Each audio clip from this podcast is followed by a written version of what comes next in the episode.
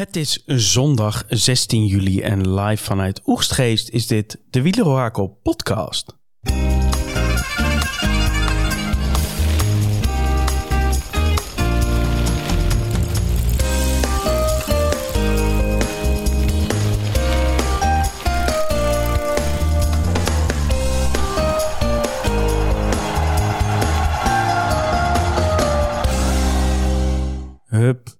Holland, hup.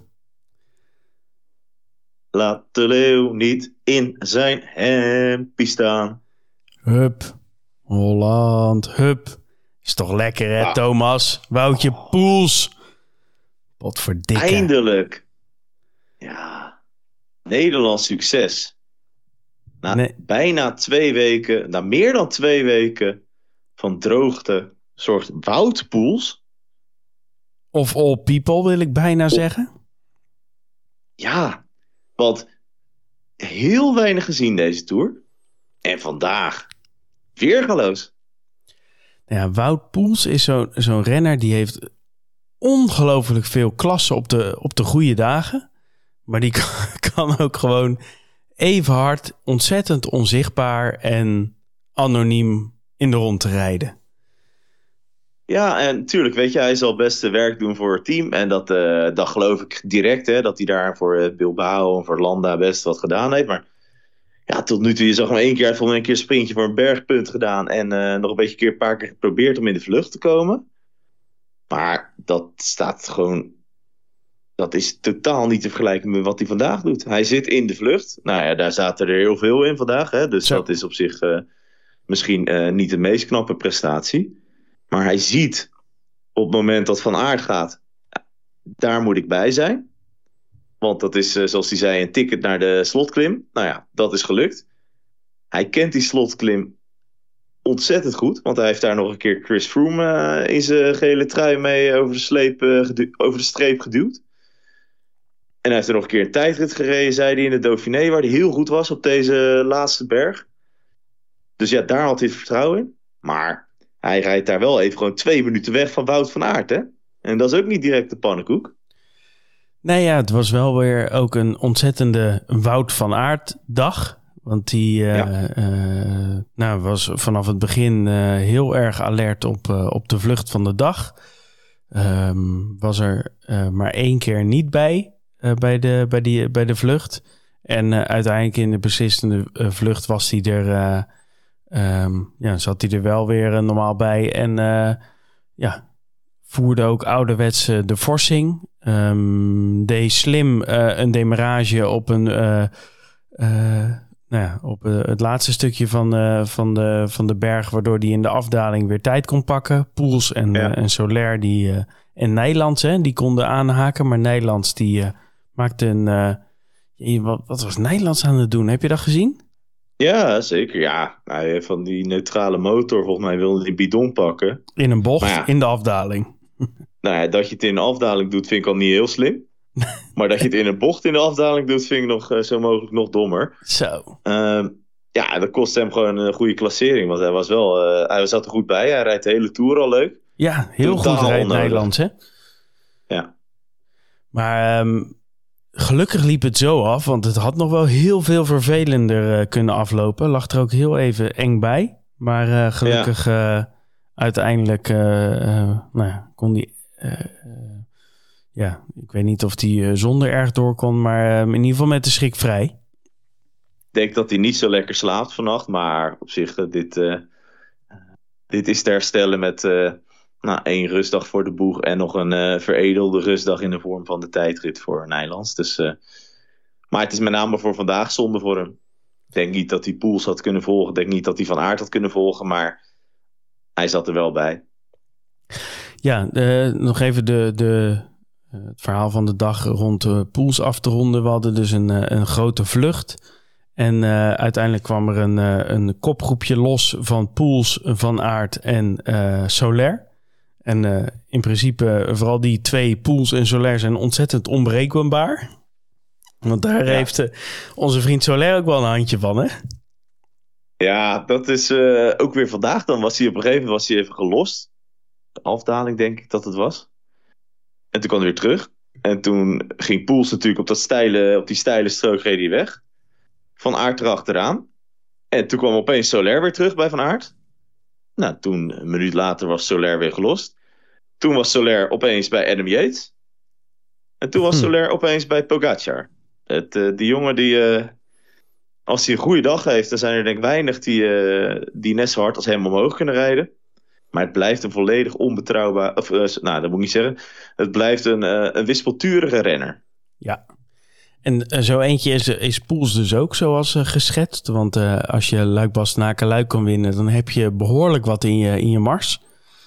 op goede dagen ook ontzettend belangrijk voor de Sky slash Ineos trein. vaak zelfs de, de voorlaatste wagon voor, voor bijvoorbeeld Froome.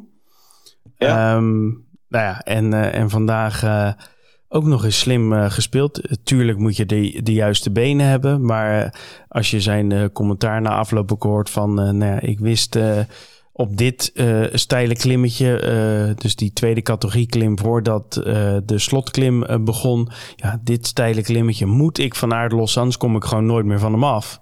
En ja, ehm, ja dat deed hij fantastisch. Het is jammer dat we er verder niks meer van gezien hebben, hè? Ja, ja een matige camerawerk denk ik van de Franse regie. Mina, dat is toch wel echt gênant, of niet? Ja, ja, zeker. Kijk, ik snap dat zij de strijd tussen Pogacar en Vingegaard in, in, in, beeld willen brengen. Maar ja, die had wel in ieder geval de laatste paar honderd meter van uh, Wout Poels kunnen tonen. Want we hebben hem eigenlijk amper gezien. Hè? Hij heeft een paar, een paar snips van dat hij nog weer verder doorreed en hij ging lekker. Maar nee, dit is, dit is niet zoals het hoort, uh, denk ik denk ook niet dat, uh, nou, stel dat Bourgodeau, hè, nu derde, stel dat die aan de leiding had gereden, denk dat hij iets meer uh, airtime had gehad. ik vrees uh, dat je gelijk hebt, Thomas. Ja, het was, ik, ik vond het wel uh, gênant hoor, om dit ja. zo te aanschouwen. Want tuurlijk heb je wel eens dat er, dat er wat minder tijd of airtime, zoals jij dat noemt, gaat naar de, naar de winnaar, omdat er daarachter nog het nodige gebeurt. Maar dit was wel echt, voor mij het was twee, drie seconden dat je even uh, Poels zag juichen. En, ja, en, uh, terug. En, ja. en, weer terug, denk je. Ja, ja. dit, kan, dit kan gewoon echt, echt niet. Nee, maar goed. Nee, dit was, uh, dit was niet zoals het hoorde. Uiteindelijk zal Poels er, er ook wel maling aan hebben. Want die, die overwinning nemen ze hem niet af. Dus... Nee, ehm, nee denk ik ook. En, en ook, weet je even net kort bedoel, maar Wout van Aert wel heel knap hoor. Dat hij gewoon na al het beulswerk dat die jongen gedaan heeft uh, gisteren, dat hij vandaag weer zo actief is en dat hij hier gewoon tweede wordt. Voor toch ook gewoon echt een aantal erkende klimmers. Hè? Ik noem een Landa, ik noem een Pinot, ik noem een Martin. Weet je, dat zijn toch mensen die aardige bergje op kunnen. En Van Aert, die weet toch klaar te spelen om hier met zijn 78 kilo uh, tweede te worden. Na zo'n uh, zware tour denk ik dat het voor hem al is. Uh, chapeau, chapeau, chapeau. 100%. Ontzettende uh, klasse van, uh, van aard. En uh, ik dacht zelfs dat hij, dat hij ging winnen. Maar alleen een goede Wout Poels kon, hem, kon hem tegenhouden. Want ja. ook zo'n Bourgodeau, die uiteindelijk derde werd en die behoorlijke goede tour rijdt. Die, die moest gewoon ruim een minuut toegeven op Van Aert. Dat zegt ook wel genoeg nog wat andere namen uit die vlucht dan. Uh, vierde werd Craddock. Oh, ja. Bijzonder. Uh, toch uh, bekend vooral als brokkenpiloot en als tijdrijder, hè? Lawson Craddock. Ja, ja zeker. Maar ja, rijdt voor Team Jaico en wordt knap vierde. Landa vijfde, Pino zesde. Guillaume Martin, de man die de, de grootste sprong in het klassement door deze vlucht maakte, wordt zevende. Skjelmoze wordt achtste. Die moest best wel wat knechten voor Chicone, maar eindigt uiteindelijk ruim voor hem. Dus dan kun je je vraagtekens wel een beetje bij, uh, bij zetten. Uh, negen werd, uh, ja, dit wordt een lastige. Guglielmi. Gu, ja? Guglielmi. Guglielmi. Ik weet het niet, Thomas. Probeer jij het is? Guglielmi? Zoiets. In ieder geval die, van... Die, die tweede, tweede G niet zo hard moet zeggen. Ja, misschien wel. Tweede, of in ieder geval de, ehm, de man ook van Arkea. Want Bargiel ja. wordt uiteindelijk tiende. Maar hij is dus uh, nog net ietsje rapper dan, uh, dan zijn kopman op, uh, op negen. Ja, Simon. Wat de fuck is ja. dat? Ja, een grote kopgroep, hè? Ja, een enorme kopgroep. Maar goed, um, hebben we de kopgroep wel behandeld. En dan daarachter was ouderwetse showdown tussen UAE en in Jumbo. Moeten we nog heel even over die val hebben? Ja, nou ja, je kan het er heel even over hebben. Maar weet je, wederom een belachelijke actie van een supporter. Wordt er een beetje moe van. Al die, al die mensen die dan alleen maar met die mobiel voor de neus, op een halve meter voor de neus, die wedstrijd gaan filmen. Je kan toch gewoon op een, op een stream kan je het gewoon na, nazien, toch? Je bent toch juist bij een wedstrijd om die wedstrijd te kijken? Wat wil je dan doen? Dan ga je dat filmen en dan ga je dat op Insta zetten, dat je bij die wedstrijd bent geweest. Ik snap er echt heel weinig van, Tom. Ik heb mijn hele Insta volgezet met dat soort filmpjes, Thomas. ja, nee, maar ik wil. Nee, maar goed, jij staat niet op uh, langs de kant daar. Het is gewoon gevaarlijk. En als jij ze langs ziet komen, je moedigt ze aan, je juicht ze toe. Maar waarom zou je in hemelsnaam daar filmpjes van gaan maken? Nou ja, uh, dat je een filmpje maakt vind ik nog prima. Maar doe het in ieder geval dan uh, in de gaskant of iets dergelijks. En niet uh, op het asfalt. Hey, ik vind dat je zo'n wedstrijd. Ik denk dat je zo'n wedstrijd, vind ik hoor, persoonlijk, dat je zo'n wedstrijd echt moet beleven. En dat kan volgens mij het beste als je gewoon kijkt wat er gebeurt. Ja. En nou, wat er nu gebeurt is, iemand rijdt langs en die supporter die supporter, die, die, iemand die daar was, die filmt die persoon en die gaat zo mee met, met de camera naar voren. En dan draait hij terug en dan beukt hij volgens mij, ik denk dat hij Koes van zijn fiets beukt, Ja, Koes. Hij tikt Koes onderuit, of zij, hij of zij, tikt Koes onderuit. En de, die Koes die, die tikt dan weer Van Hooydonk onderuit. Ja. En die, eh, die blijft vooral heel lelijk uh, liggen. Ja, ja, die klapt op zijn hoofd leken nogal een beetje. in ieder geval een beetje achterover, zeg maar, op zijn rug. Of, nou, die zal ook niet goed slapen vannacht. Nee. Dus, um... Maar Koes, eh, Koes die kon nog wel weer gewoon mee natuurlijk, hè? Onze vriend. Ja, dat vind ik dan ook wel weer bijzonder. Hè? Want die Koes die fladdert gewoon weer die hele, de rest van die etappe mee alsof er niks is gebeurd. Nee, die denkt van, oh, oh, ja, gevallen. Ja, klopt, ja. Maar moet ik even rustig aan? Nee, moet ik voorin rijden? Oh, dat is goed, ja. Rijd voorin. ja, dat is echt ongelooflijk, ja. hè, die Koes. Kom maar aan, ja. Oké, okay. Ja, en uh, uiteindelijk rijden ze dus die, die slotklim uh, op. Uh, Jumbo heeft best wel wat tempo gemaakt. Vooral Van Baarle was weer lekker aan het slepen. Ja. En uh, uiteindelijk neemt UAE wel over op die, op die slotklim. En uh, Adam Yates, op een gegeven moment heb je Adam Yates die behoorlijk sterk nog is. met Pogacar en uh, Vingegaard in het, in het wiel. daarachter dan moet Koes wel passen uh, net als uh, Rodriguez. Die, dat zijn toch wel de sterkste mannen van deze Tour de France. Ja. En dan um, ja, kreeg je een beetje een gek moment. Namelijk dat uh, Pogacar besluit om een gat te laten vallen tussen Adam Yates en hemzelf.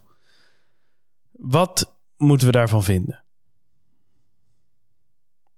Ja, niet heel veel denk ik, Tom. Ehm, moest Pogacar dat gat laten vallen omdat hij het niet bij kon, kon houden? Nee, mm, nee, dat geloof ik niet. Uh, was het zaak voor Jees om door te rijden omdat hij hè, mogelijk richting het podium uh, zou kunnen? Ja. Dus so far logisch. Eerlijk gezegd denk ik dat Pogacar misschien ook een beetje aan het proberen was een paar spelletjes met Vingegaard te spelen. Dus kijken we, hè, stel dat Vingegaard dan Yates zou gaan halen, dat hij dan vanuit de rug van Vingegaard zou demareren bijvoorbeeld. Um, ja, weet je wat het is? Die gasten staan natuurlijk vijf minuten voor op de rest. Dus ze kunnen ook wel een beetje gaan lopen uh, klooien wat dat betreft, hè? Nee, ja, dus ik zou daar, daar als zich niet zo heel veel van denken. Want vervolgens uh, is Pogacar denk ik op een meter of 800 gaat hij aan, zoiets? Ja, uh, rond de kilometer zelfs. Ja, het kilometer. En dan rijdt ze natuurlijk in één streep naar Yates toe. Uh, Vingegaard zat scherp op het wiel. Dus ehm, ja, wat dat betreft uh, was het weer duidelijk dat ze elkaar echt heel goed waard zijn. Dus hij kon het wel, Pogacar, alleen hij kon hem niet loskrijgen. En toen probeerde hij het natuurlijk nog een keer op dat laatste, wat we gisteren zeiden, die laatste paar honderd meter waren echt wel behoorlijk stijl van deze klim. Maar wederom kreeg hij hem niet los. En sterker nog, uh, Vingegaard reed hem voorbij. En Vingegaard had voor hem uh, kunnen eindigen. Waar het niet dat hij nog even mm -hmm. de, uh, de Even dacht aan de, aan de mensen die hem kopman hadden gemaakt op Scorito. Wat op zich ontzettend sympathiek is van uh, Tadij. Uh, dat, maar ook dat Vingegaard er gewoon even aankeek. Toch een beetje ook een mentaal spelletje terug van... Hé hey, vriend, ik had jou hier erop kunnen leggen. Ja, ja. Nou, Dus ik dacht zelfs toen, eh, toen hij bij hem kwam, eh, eh, toen hij eh, eh, zijn aanval in de laatste kilometer had beantwoord, was het wat mij betreft gewoon eh, plankgas door. Want Vingegaard had wat over. Als ik, als ik vandaag de balans op zou hè? moeten maken, dan zou ik zeggen, eh Vingegaard eh, had wel degelijk iets betere benen dan Pogacar. Dat denk ik ook. En er werd natuurlijk veel gezegd van ja, waarom doet hij dat dan niet? Nou ja, één. Ik denk wel dat, dat het Vingegaard ook wel kracht heeft gekost om die demarage van Pogacar te beantwoorden. Mhm. Ehm, dus ja, dan was het risico om nog even daar door te zetten. Voor, los van de vraag, kon hij het? Had het wel leuk gevonden, moet ik zeggen. Als hij dat nog even gedaan zou hebben. Ja. Want het was nu gewoon een defensieve Vingegaard. Was gisteren overigens hij- ook, hè? Ja, maar Gister, dat... Gisteren eh, was, een, eh, was eh, het feit dat hij heel lang achter een Pogacar een beetje aan het elastiek hing. Aan het elastiek hing, aan het elastiek hing. Toen kwam hij erbij. En toen dacht ik, jongen, trek Ja. hem gewoon door. Want dit is ook in jouw belang. Gewoon één tempo houden. Want daar ben jij gewoon geschikt voor. Ja, Paf. ja. En dit doet hij nou twee keer op rij niet. Dat is toch defensief. Nee, dat is zeker defensief. En ik denk dat ze, dat ze bij Jumbo echt de komende twee ritten, dus de tijdrit en de rit over de Col de la Loze, dat dat voor hun echt de sleutelritten zijn. Niet dat ze daarom niet gaan aanvallen, maar kijk, er is ook niet veel te winnen voor Vingegaard op die laatste meters. Hè. En misschien is het ook wel een beetje van, oké, laat hem maar, die Sloveen, laat hem maar een beetje denken dat hij lekker kan aanvallen. En eh, straks komen we in één keer met, eh, met onze tweede koep. Dat zou heel goed kunnen. Hey, ehm, klaar voor vandaag? Of had je nog, eh, had je nog iets bijzonders wat je opviel? Nou, wat mij opviel, in die zin, Hindley zakt er natuurlijk stevig doorheen. Eh, die verliest eigenlijk twee minuten op Pogacar en Vingegaard, veel. Yates, Simon Yates, zakt er ook stevig doorheen. Die verliest eh, nog meer. Die verliest 2,5 minuten op Pogacar en Vingegaard. Pitcock verliest ook weer tijd. Is een beetje ziek, heeft hij eh, geschreven ergens. Of tenminste heeft hij eh, Op laten gezegd. tekenen? Ja, precies. Felix Gal had volgens mij een lekker band. net voor de slotklim of iets dergelijks. Materiaalpech. Ja, dat, leek er wel op, ja. Die, want die liet het eh, lopen. Maar die heeft er nog wel Simon Yates ingehaald. Maar goed, verliest ook tijd. En eh, ja, Carlos Rodriguez en Adam Yates... die lijken toch de gedoodverfde kandidaten... voor de, de laatste podiumplek op dit moment. Absoluut. Bilbao ook op 23. Het laatste wat ik hierover wil zeggen over vandaag. Die Gaudu is ook wel een vreemde vogel. Hè? Die staat ongeveer al op de helft van de etappe... staat hij op kraken, op lossen. Ja, En uiteindelijk eindigt hij eh, nou, toch best wel aardig. Eh, zeg Ja, maar, die- wat die- eh, ja. In principe naast Koes en Rodriguez eh, als, als beste klassementsman. Wat is dat voor rare snuiter, joh? Ja, dat is natuurlijk, is natuurlijk sowieso een rare snuiter. Ehm, maar ja, in- zeker nu. Je dacht van, hij, want hij was echt aan het lossen. Ook toen er nog, weet ik veel hoeveel mensen bij zaten. Maar hij is zijn tweede, zijn Ja, tweede volgens mij reed hij op een gegeven moment achter Welsford. Achter Welsford en eh, Groenewegen. Dan rij, je, dan rij je wel uit de wind in ieder geval. Dat is, eh, dat is gewoon een goede tactiek. Nee, ja, het is echt een rare, rare vogel hoor, die uh, Gaudu. Dat is gewoon toneelspel natuurlijk. Als je zo hoog kan eindigen en dan al zo vroeg op, op het elastieke hangt, dan ben je gewoon een, natuurlijk een rare vogel. Maar goed. Ja, maar ook, weet je, er sta je nou negen op een kwartier. Je bent, je bent totaal niet zichtbaar geweest. Ja, wil je dat dan, zeg maar? Vind ik Ja, misschien is dat zijn eh, manier. Maar goed. Ja. Hey, ik wilde met jou nog heel even eh, terugkijken op, eh, op week 2. morgen Ja. is ook voor, eh, voor ons een rustdag. Dus dit is het moment om, eh, om kort terug te kijken. Wat is nou jouw moment van de afgelopen paar dagen? ja, etappe 14. En Met dat is? stip. Dat is de etappe van gisteren. Dat is de etappe waar eh, Jumbo eigenlijk eh, hun koep wilde plegen. Maar waar UAE ook heeft gezegd: hey, leuk en alles, maar dit jaar hebben we wel een sterk team. Dus eh, die gaven tegenwicht. En uiteindelijk de, ja, de halve surplus van, eh van Pogacar en Vingegaard op de Jouplan. En vervolgens de, het incident met de motaar. Hm. En dan nog Carlos Rodriguez, toch ook eh, een van mijn persoonlijke favorieten die de etappe wint. Ja, ik vind in die etappe zat echt wel alles. En dat is voor mij, die etappe is voor mij echt het hoogtepunt. Ik vond de die vluchtersritten, die twee met Bilbao en met, met Izagirre, geinig sprintje erbij kan. Colombier, Colombier viel wel mee. Maar die etappe 14, die rit van gisteren, ja, fenomenaal. Nou ja, dat was, was natuurlijk ook een prachtige etappe. En ik heb zelf ook een moment uit die etappe genomen als het moment van, van deze tweede week. Ja. En dat is namelijk die beuk van, van Aard naar Maika.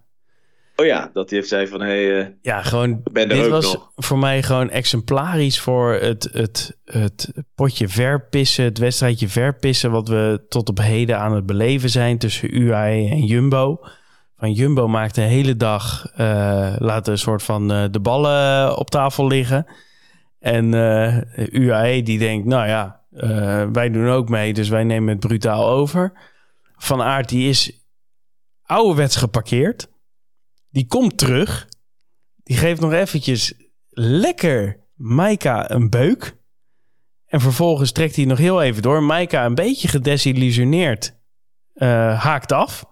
En vervolgens, wat is het, 100, 200 meter later is het ook voor Van Aert klaar. Maar hij heeft wel even die beuk gegeven. Is toch fantastisch? Ja. Ja, dat is prachtig. Dat, was, dat is ook een uh, prachtig moment uit een uh, prachtige etappe, denk ik. Ja, mooi. Dus uh, nee, ja, volgens, uh, als, als, we de balans op moeten maken naar week 2. Uh, eh, we hebben momenteel de renners, ene Jonas Vingegaard en ene Tadej Pogacar... die op 10 seconden van elkaar staan na twee weken Tour de France. Ja, wat willen we nog meer? Bizar. Het is een echt... Daar had ik het vanmiddag nog over. Ik had vandaag met, met een aantal van mijn vrienden... hebben onze jaarlijkse klassieker gefietst. En wij zaten vanmiddag daar nog even van bij te komen met een, uh, met een klein biertje en een kleine versnapering. En de Tour natuurlijk. En toen hadden we het er ook over dat, dat, dat we wel echt verwend zijn met, uh, met een Tour zoals dit jaar. Hè? En ook de Tour vanaf, uh, van voorgaand jaar natuurlijk. Met Vingegaard die daar Pogacar toch op zijn... Ja, een beetje op zijn nummer zette. En ook al het spektakel in de ritten die misschien vroeger nog eens echt heel saai zouden zijn dan mogen wij als wielerliefhebbers in deze tijden mag je daar toch wel heel dankbaar voor zijn dat je dat allemaal voorgeschoteld krijgt. Ja, en dan hebben we nog een uh, ontzettend mooie week uh, voor, de, voor de boeg. Nog uh, van, morgen dan een rustdag en vanaf dinsdag gaan we weer verder. En dan gaan we dinsdag verder met een, met een tijdrit. De eerste en de laatste individuele tijdrit van deze Tour de France. Zullen we die maar ja. even behandelen? Uh, ja, dat is goed. Ik kan de hele week de, de etappes gaan doen. Maar laten we eerst de tijdrit maar even doen natuurlijk. Uh, dat is uh, prima. Het is namelijk inderdaad de enige tijdrit van, van deze Tour. En die gaat over slechts 22 kilometer. Dus dat is ook niet heel, niet heel veel, zeg maar. Dus nou, ze hadden gedacht, nou ja, Bardet, Gaudu, hè, noem ze maar op. Die kunnen dan echt gaan shinen. Maar goed, dat valt nogal mee. Uiteindelijk zagen we Pogacar en Vingegaard natuurlijk gewoon heel strak op 1 en 2. 22 kilometer van Passy naar Combloux. En de tijdrit is allesbehalve vlak, uh, Tom. Ze vertrekken. De eerste twee kilometer zijn vlak. Dus oké, die, uh, die krijg ik cadeau. Vervolgens krijgen we een klimmetje. De Côte de la Cascade de Keur. 1,3 kilometer aan 8,5 procent. Nou, dat is even warm rijden zo uh, aan het begin. Kom je boven op 3,5 kilometer. Klein hupsje omhoog nog. En dan gaat het wat vals plat omlaag. Tot een kilometer of 10. En vervolgens volgen er zes vlakke kilometers tot aan kilometer 16. Nou, dus tot zover. Stefan Kuhn, happy. De echte, pure tijdrijders happy. Maar dan begint het, hè? Dan, begint, beginnen de laatste 6,3 kilometer. En die gaan gemiddeld aan 6,6% omhoog. Dat is natuurlijk best wel pittig. Zeker als je weet dat de eerste drie kilometer daarvan aan gemiddeld 8,5% omhoog gaan. Dat is de Côte de Domancy. Die is ook van tweede categorie. Dus dat is echt stevig klimwerk.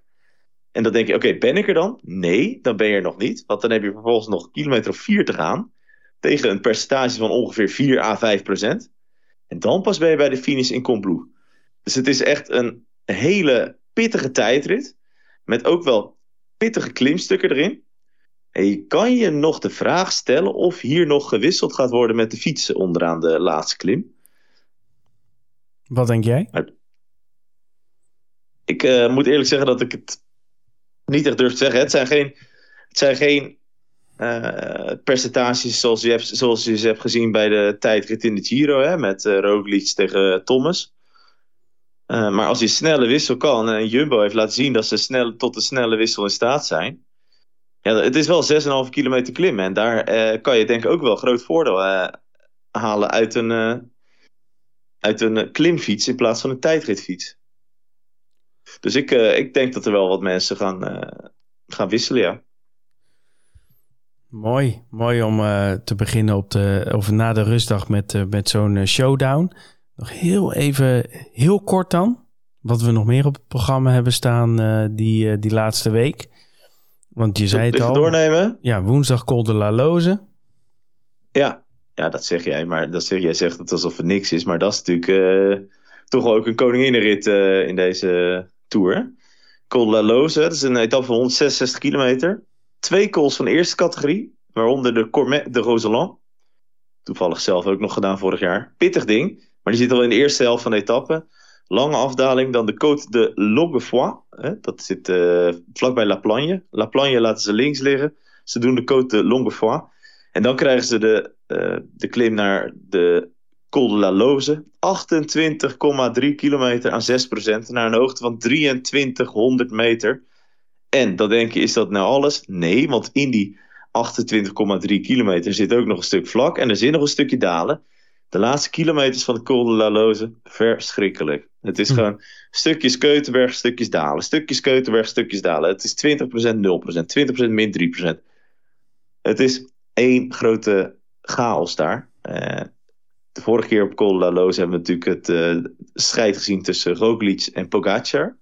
Waar Roglic wegreed bij Pogacar. Miguel Angel Lopez won de etappe, maar Roglic pakte tijd op Pogacar. Heel benieuwd of zij daar eh, dit jaar ook een vervolg aan kunnen geven door Vingegaard allicht tijd te laten pakken op Pogacar. Gaan we beleven. Zijn we boven op de Col de Loze? Zijn we dan? Nee, zijn we nog niet. Afdalingje. Lastige, vervelende afdaling van 6 kilometer om te finishen in Courchevel. Moet je ook nog oppassen daar die dat laatste stukje. Dus dat wordt een, eh, ja, dat wordt op de, op de woensdag wordt dat wel ook wel een slagveld. Want dit is 100% zeker een van de ritten, ik, eh, zo niet de rit, die Marijn, Zeemo, Marijn Zeeman en Jumbo Visma hebben aangestipt voor hun volgende koep.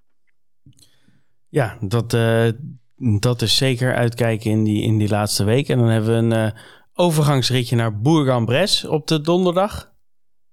Ja, 100%. Daar zou je zeggen dat kan een sprintrit worden. Alleen de sprintersbenen en de benen van de knechten van de sprinters, die zijn natuurlijk best al wel wat. eh, ja, die zijn wat minder dan ze aan het begin waren. Er zijn nog wat sprinters uit. Dus eh, ja, de vraag is of eh, de ploegen dat. eh, of ze dat voor elkaar krijgen om het bij elkaar te houden. Of dat er gewoon een groep met, met grote motoren wegrijdt. En of die daar om de zege kunnen gaan strijden.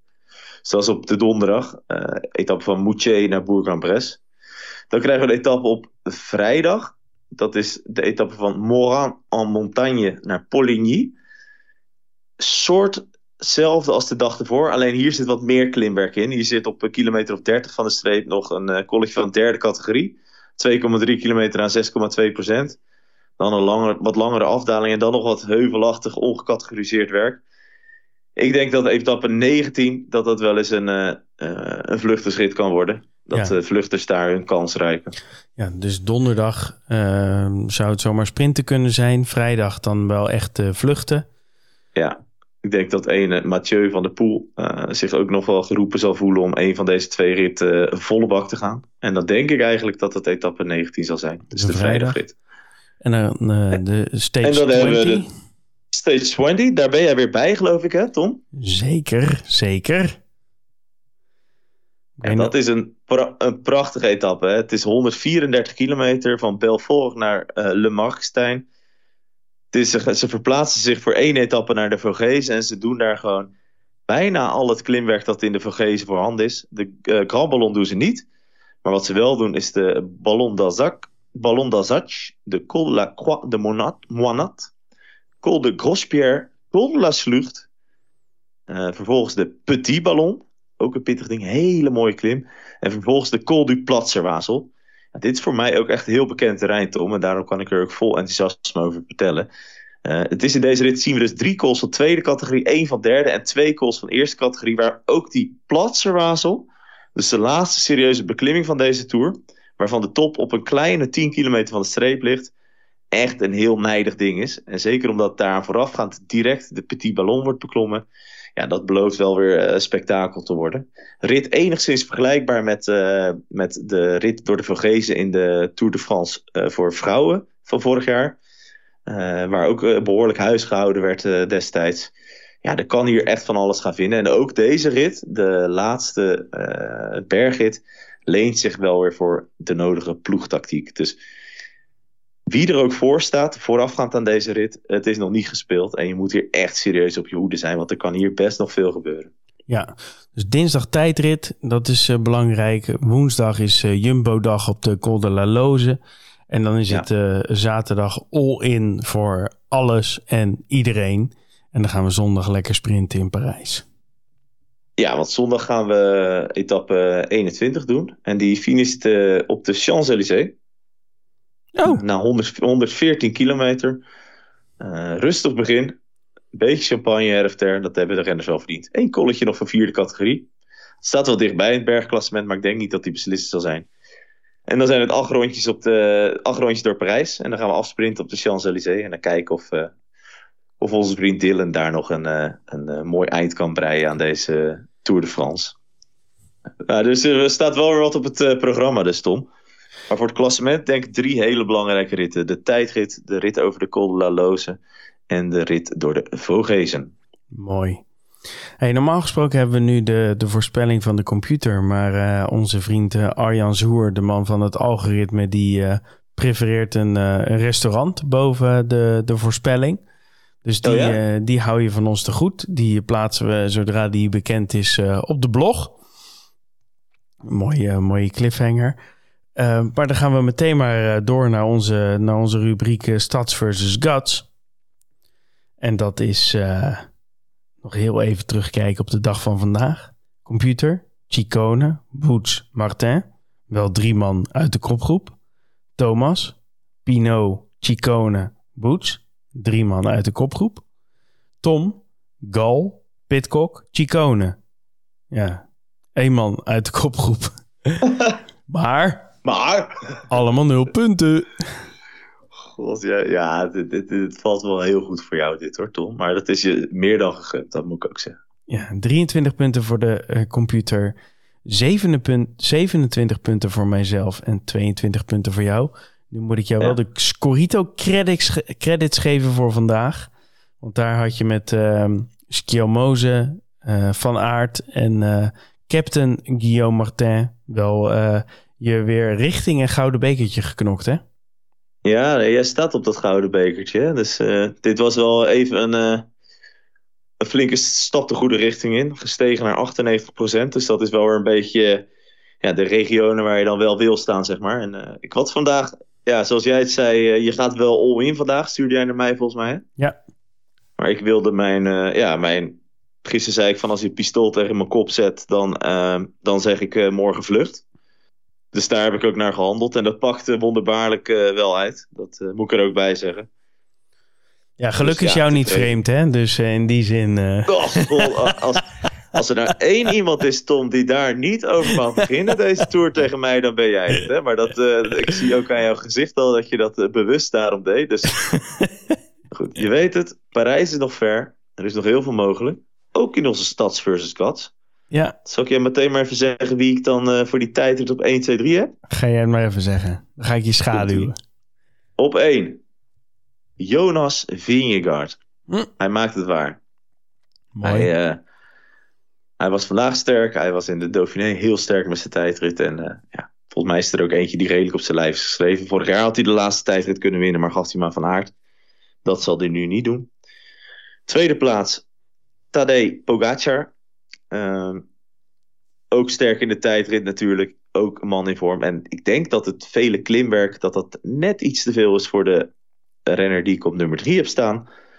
Dus daarom zet ik Pogacar op 2. En op 3 zet ik dan onze Wout, onze alleskunner, onze man van 78 kilo. Ik denk dat hij in staat moet zijn om in de buurt te komen van Vingegaard en Pogacar. Maar door het stevige klimwerk aan het einde dat hij net tekort komt voor de etappezegen. Dus Vingegaard op 1, Pogacar op 2, Van Aert op 3. Ja, dan uh, ben ik aan zet. En dan zet ik uh, toch Van Aert op één. Het moet er toch een keertje lukken hè, voor Ja. Wout. Ja, Hij heeft, het is hem eh, zo gegund. Hij heeft eh Evenepoel eh, eh, het Belgisch kampioenschap eh, eh, ontnomen, om het zo maar te zeggen. Of eh, hij heeft hem gewoon eh, eh, ontzettend knap eh, gepakt. Ja, In zijn eh, Belgisch kampioenstrui. Ehm, ja, van aard. Ik, eh, ik denk ik ga hem eens een keertje spelen als, eh, als nummer 1 voor de tijdrit. En dan wel Vingegaard op, op 2. Want ook ik denk dat hij net iets beter is dan Pogacar op het moment. En ja, Pogacar wel op 3. Dus Oké, nou wel dezelfde. zelfde drie namen, andere volgorde. En eh, de computer moeten we nog even, eh, even afwachten. Maar dat, eh, dat komt goed. Daar komen we dinsdagavond wel op terug. En je kunt het natuurlijk zien op de blog. Ehm, ja, dan zijn we er wel zo'n beetje. Hè? Ja, het was weer een enerverende week, moet ik zeggen. Het is toch alweer veel gebeurd. En ja, we zijn er nog niet, want we mogen nog een week, Tom. En nou, dit is toch wel iets, ja, nou, wat ik eerder al zei. Ik kijk er enorm naar uit. Met name dinsdag, woensdag, zaterdag, die ritten. Eh, ja, we gaan het beleven. Er kan nog echt veel gebeuren. Ik weet niet of er ook nog in het peloton wat mensen zijn die nog wat naweeën hebben van eventuele valpartijen. Misschien dat Hindley vandaag ook nog wat eh, tijd verloor doordat hij gisteren op zijn plaat was gestuiterd. Maar goed, de strijd om de eerste plaats en de strijd om de derde plaats ligt nog volledig open. De strijd om de bergtrui ligt nog volledig open. De strijd om de plekjes in de top 10 ligt nog volledig open. Ik denk dat het enige dat beslist is, is de strijd om de groene trui en de strijd om de witte trui. Goed, er is nog veel te halen voor iedereen. En eh, dat belooft, hè, daardoor denk ik ook dat we, dat we hier ook volgende week weer zeggen dat het toch een mooie week is geweest. Al met al, prachtige tour tot nu toe en nog een week te gaan. We gaan hem afsluiten. Tot zover. Tot later.